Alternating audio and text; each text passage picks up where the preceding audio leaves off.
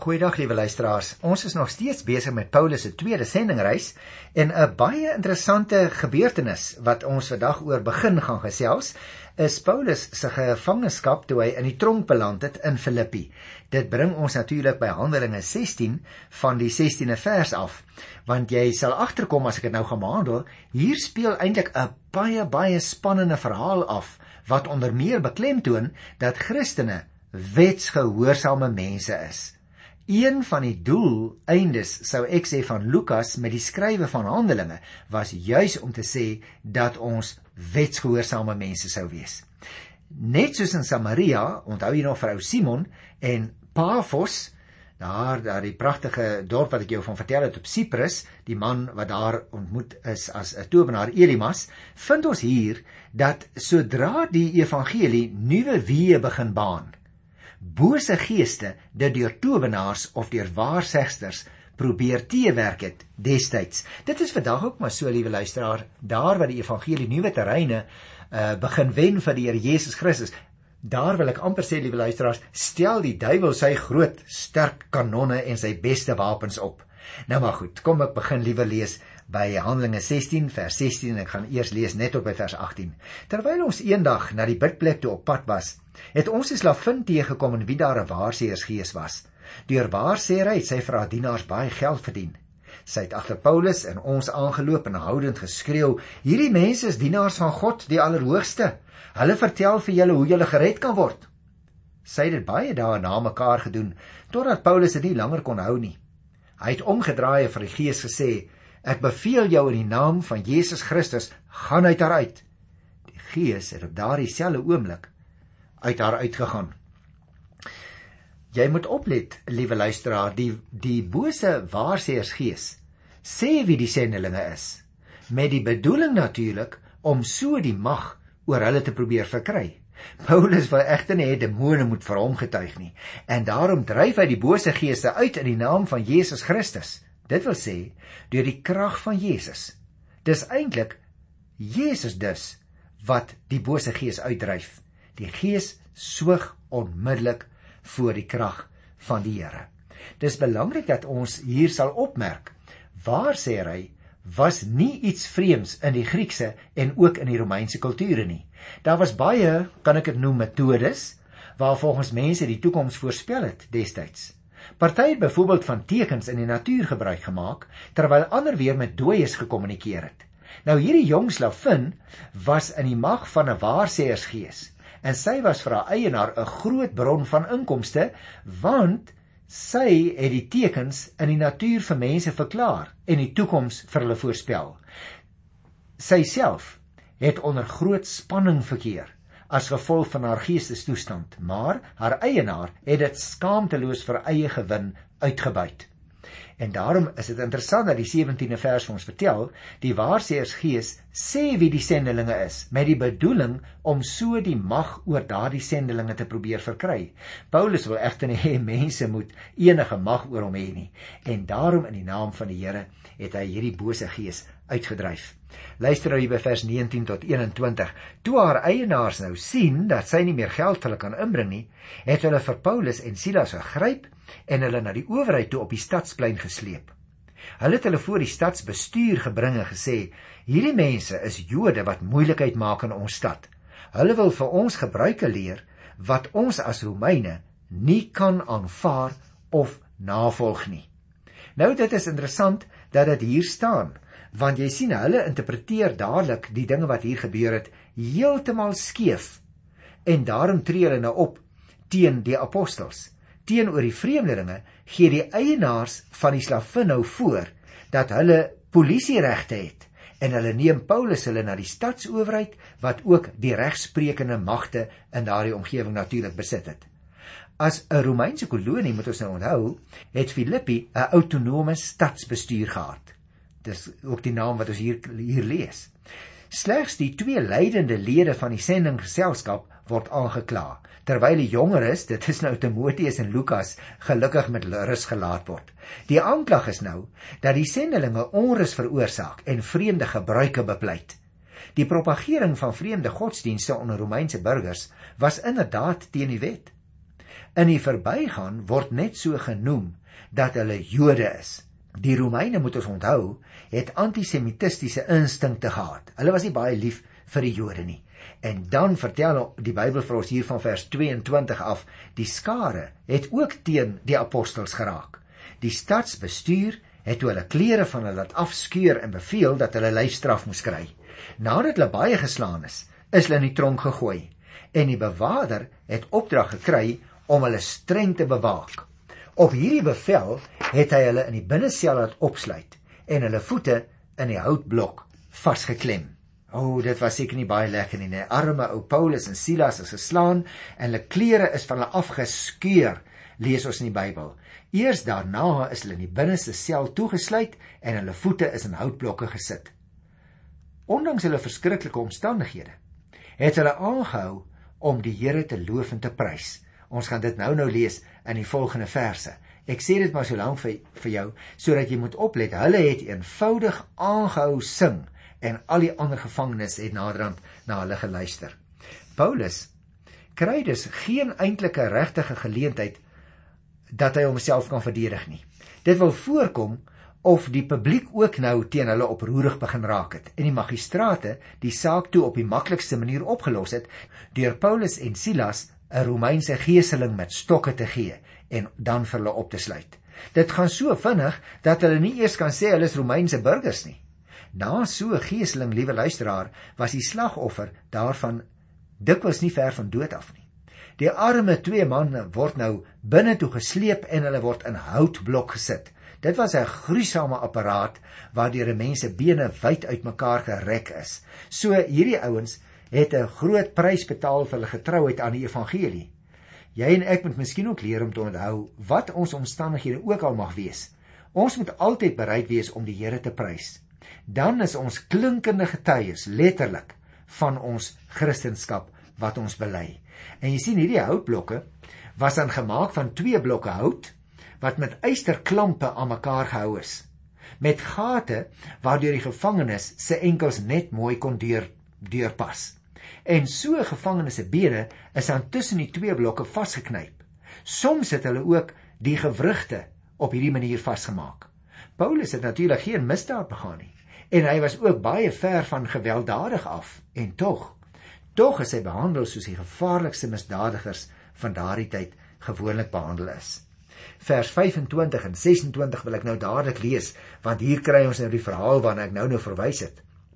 Teen middernag was Paulus en Silas besig om te bid en tot lof van God te sing. Die ander gevangenes het na hulle geluister. Skielik kom daar 'n groot aardbewing wat die fondamente van die tronk geskit het. Al die deure van die tronk is onmiddellik oop en die gevangenes se boeie het losgeraak. Die bewaarder het wakker geskrik en toe hy die deure van die tronk sien oop staan, het hy sy swaard uitgetrek om homself om die lewe te bring, want hy het gedink die gevangenes het ontsnap. Maar Paulus baie hard vir hom geskreeu: Moenie jouself doodmaak nie. Ons is nog almal hier. Jy sien, die nag verkeer Paulus en Silas in strawwe pyn as gevolg van die wrede houtblok en die wonde van die geeseling. Maar in plaas van te kla, bid hulle en sing hulle lofliedere, het ons gelees. En God antwoord dan daarop deur 'n aardbewing te stuur met die wonderbare uitwerking dat al die gevangenes losraak. Die tronkbewaarder sien dit en vir hom as Romein weeg plig en eer so swaar dat hy op selfmoord besluit. Paulus het ook sy pyne gelief en hy skreeu vir hom dat daar nog 'n wonder gebeur het. Niemand is weg nie, sê hy vir hierdie ou. Jy sien liewe luisteraar, die tronkbewaarder wou homself met sy swaard doodsteek. Aangesien wagte met die dood gestraf is destyds as hulle gevangenes ontsnap het. Gaan kyk maar in Hoofstuk 16 by die 23ste vers. En Paulus red hom dus eintlik van selfmoord. Vers 29 as mens dit lees, toe het die bewaarder 'n lig gevra die sel ingestorm en bewend voor Paulus en Silas neergeval. Hy het hulle buitekant toe gevat en gevra: "Meneere, wat moet ek doen om gered te word?" Hulle antwoord hom: "Glo in die Here Jesus en jy sal gered word, jy en jou huisgesin." 'n Ander skrik oorweldig nou hierdie arme bewaarder. Vrees vir die misterieuse goddelike krag wat deur hierdie gesante van God werk. En daarom val hy nou bewend voor hulle neer. Nadat hy hulle uitgelei het, vra hy selfs wat hy moet doen om gered te word. Nou waarskynlik beteken dit om in God se guns te kom. Die antwoord is dat 'n mens gered word van die sonde en van God se toorn deur die geloof in Christus alleen. As hy glo, sê die apostel vir hom, sal ook sy huisgesin gered word. Natuurlik, voor God is die huisgesin 'n eenheid.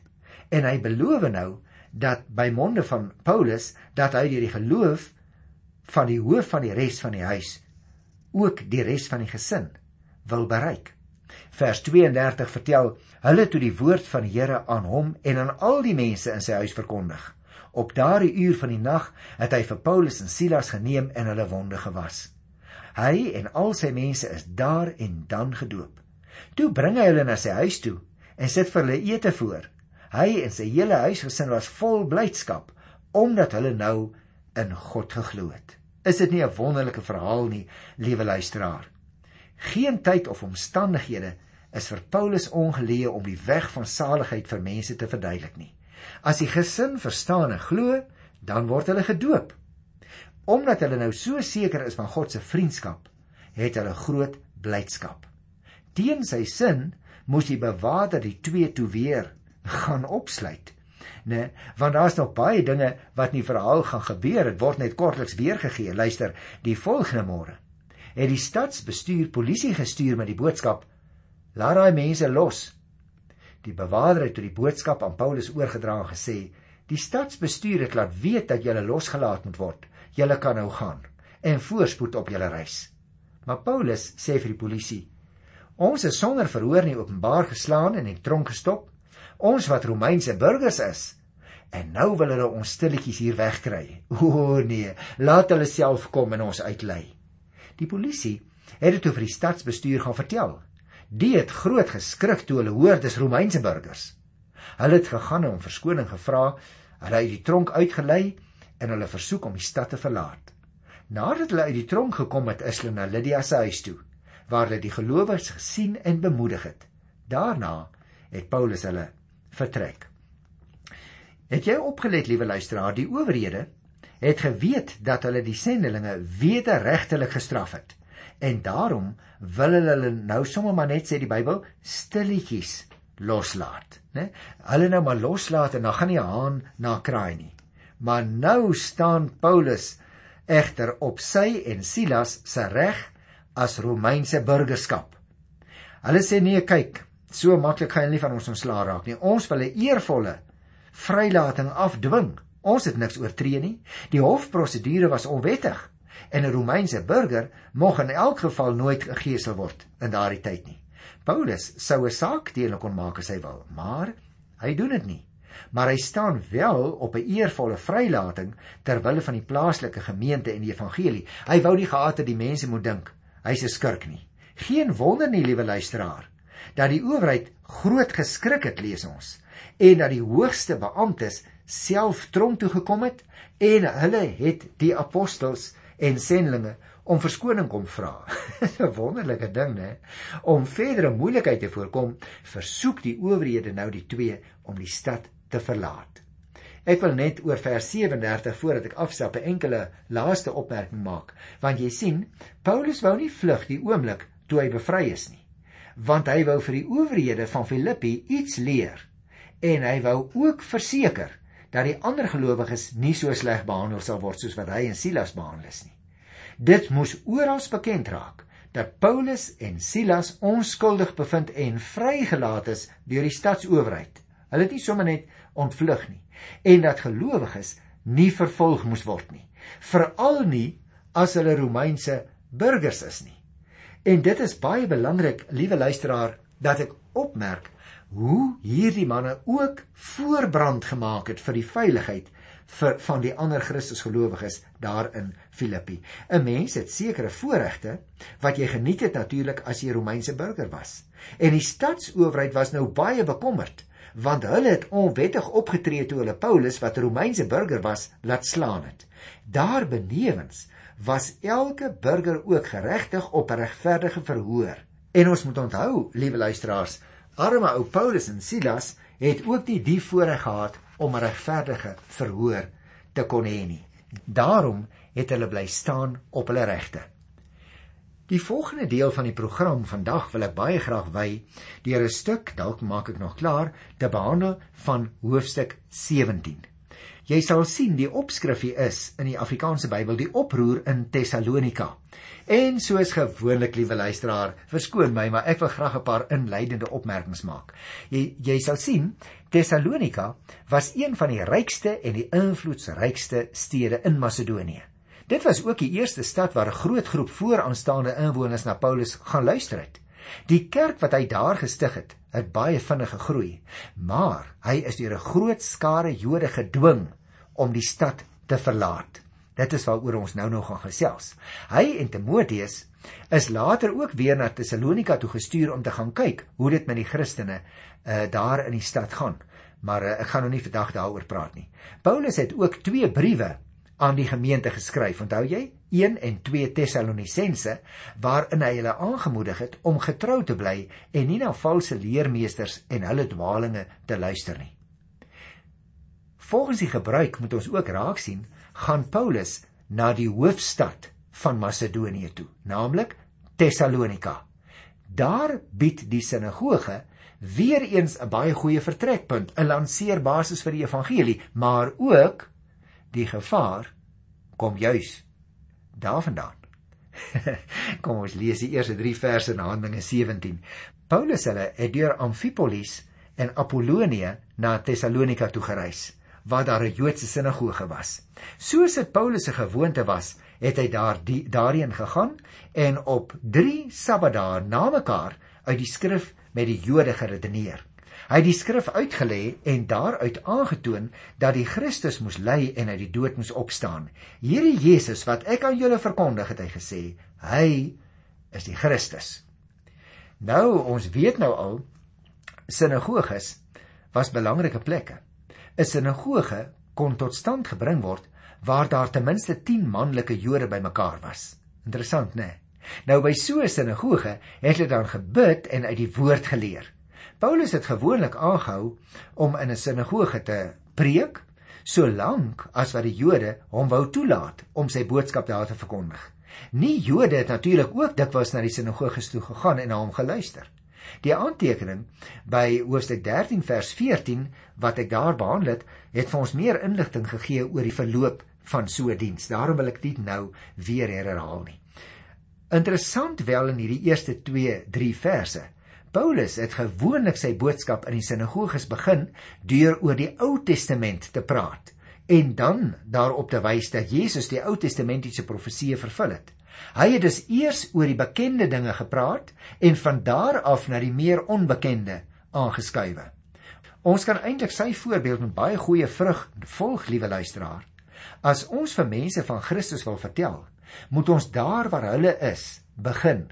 Ons moet eers die waarhede wat hulle ken, bevestig en daarna is dit baie makliker om hulle van die Here Jesus te vertel. En daarom het Paulus dan met die groot pad gereis en uiteindelik kom hy daar in Tessalonika waar hy met hierdie mense kan praat oor die Here Jesus. Kom ek lees vers 4 tot by vers 7. Party van die Jode het oortuig geraak en by Paulus en Silas aangesluit.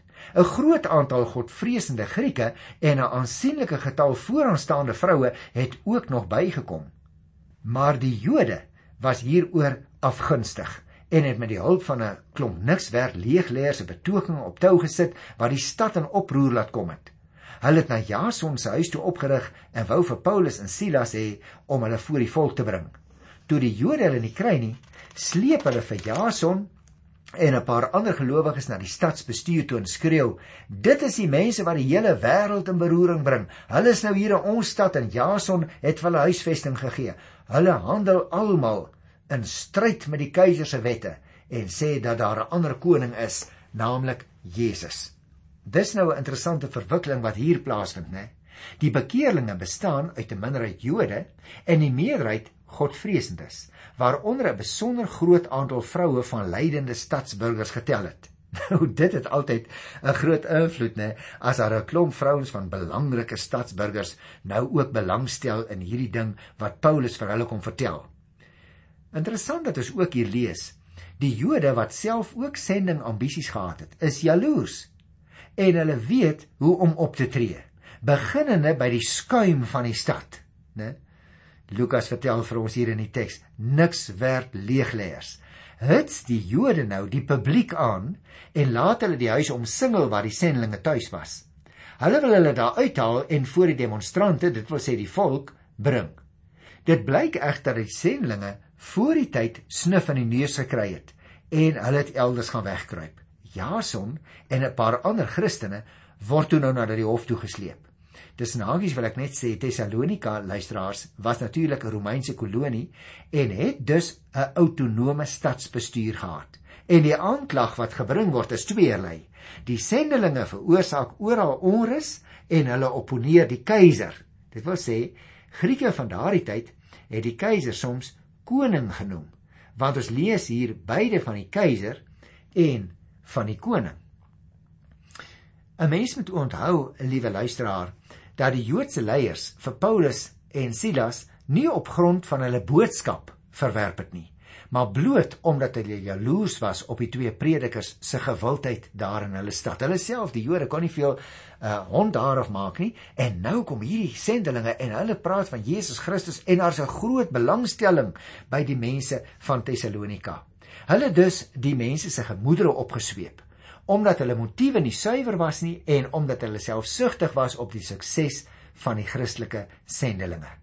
En die aanklag was soos ek nou net vir jou uitgewys het, hulle bring die wêreld in beroering. nou liewe luisteraar, natuurlik was dit nie regtig waar nie. In elk geval nie in die negatiewe betekenis wat daarin geheg word nie, nê, om die stad in beroering te bring nie. Dit het 'n negatiewe konnotasie. Aan die ander kant moet ek dadelik sê, is dit eintlik baie ironies uh dat die evangelie die wêreld in beroering bring deurdat dit die lewens van mense ingrypend verander oor alle sosiale grense reik, tronkdeure laat oopgaan en mense so aanraak dat hulle God aanbid, dat hulle mekaar opreg begin lief hê. Dis 'n vreemde ironie hè, en dit word nou teen die sendlinge gehou. En daarom is dit nou nodig dat ons ook sal kennis neem, liewe luisteraar, dat ons ook die wêreld kan omkeer en verander. Die evangelie verander nie net mense se gedrag en instellings so bietjie nie. Nee, die evangelie verander lewens ingrypend. Dit verbeter lewens op 'n baie baie besondere manier. Die Joodse leiers het dus moeite gedoen om 'n beskuldiging wat vir die stadsowerheid aanvaarbaar sou wees voor te lê. Nou vir die Romeine moet ons onthou, was die teologiese verskille tussen die Jode en die besoekende predikers eintlik van geen belang nie. Verraad was egter 'n baie ernstige oortreding in die Romeinse ryk. Hoewel Paulus en Silas natuurlik nie besig was om die mense teen die Romeinse owerheid op te sweep nie, het hulle trou aan 'n ander koning, Jesus Christus, tog vir die owerhede verdag geklink. En daarom wil ek eintlik hier ophou, liewe luisteraar, want dit is belangrik dat hulle voortgegaan het. Die 8ste versie sê: Die mense in die stadsbestuur was toe ontsteld toe hulle dit hoor, maar nadat hulle vir Jason en die ander gelowiges die nodige waarborg gekry het, is hulle losgelaat. Nog 'n pragtige oorwinning vir die evangelie. En daarom wil ek op hierdie hoogtepunt ook vir jou groet in die naam van die lewende Here. Tot volgende keer. Totsiens.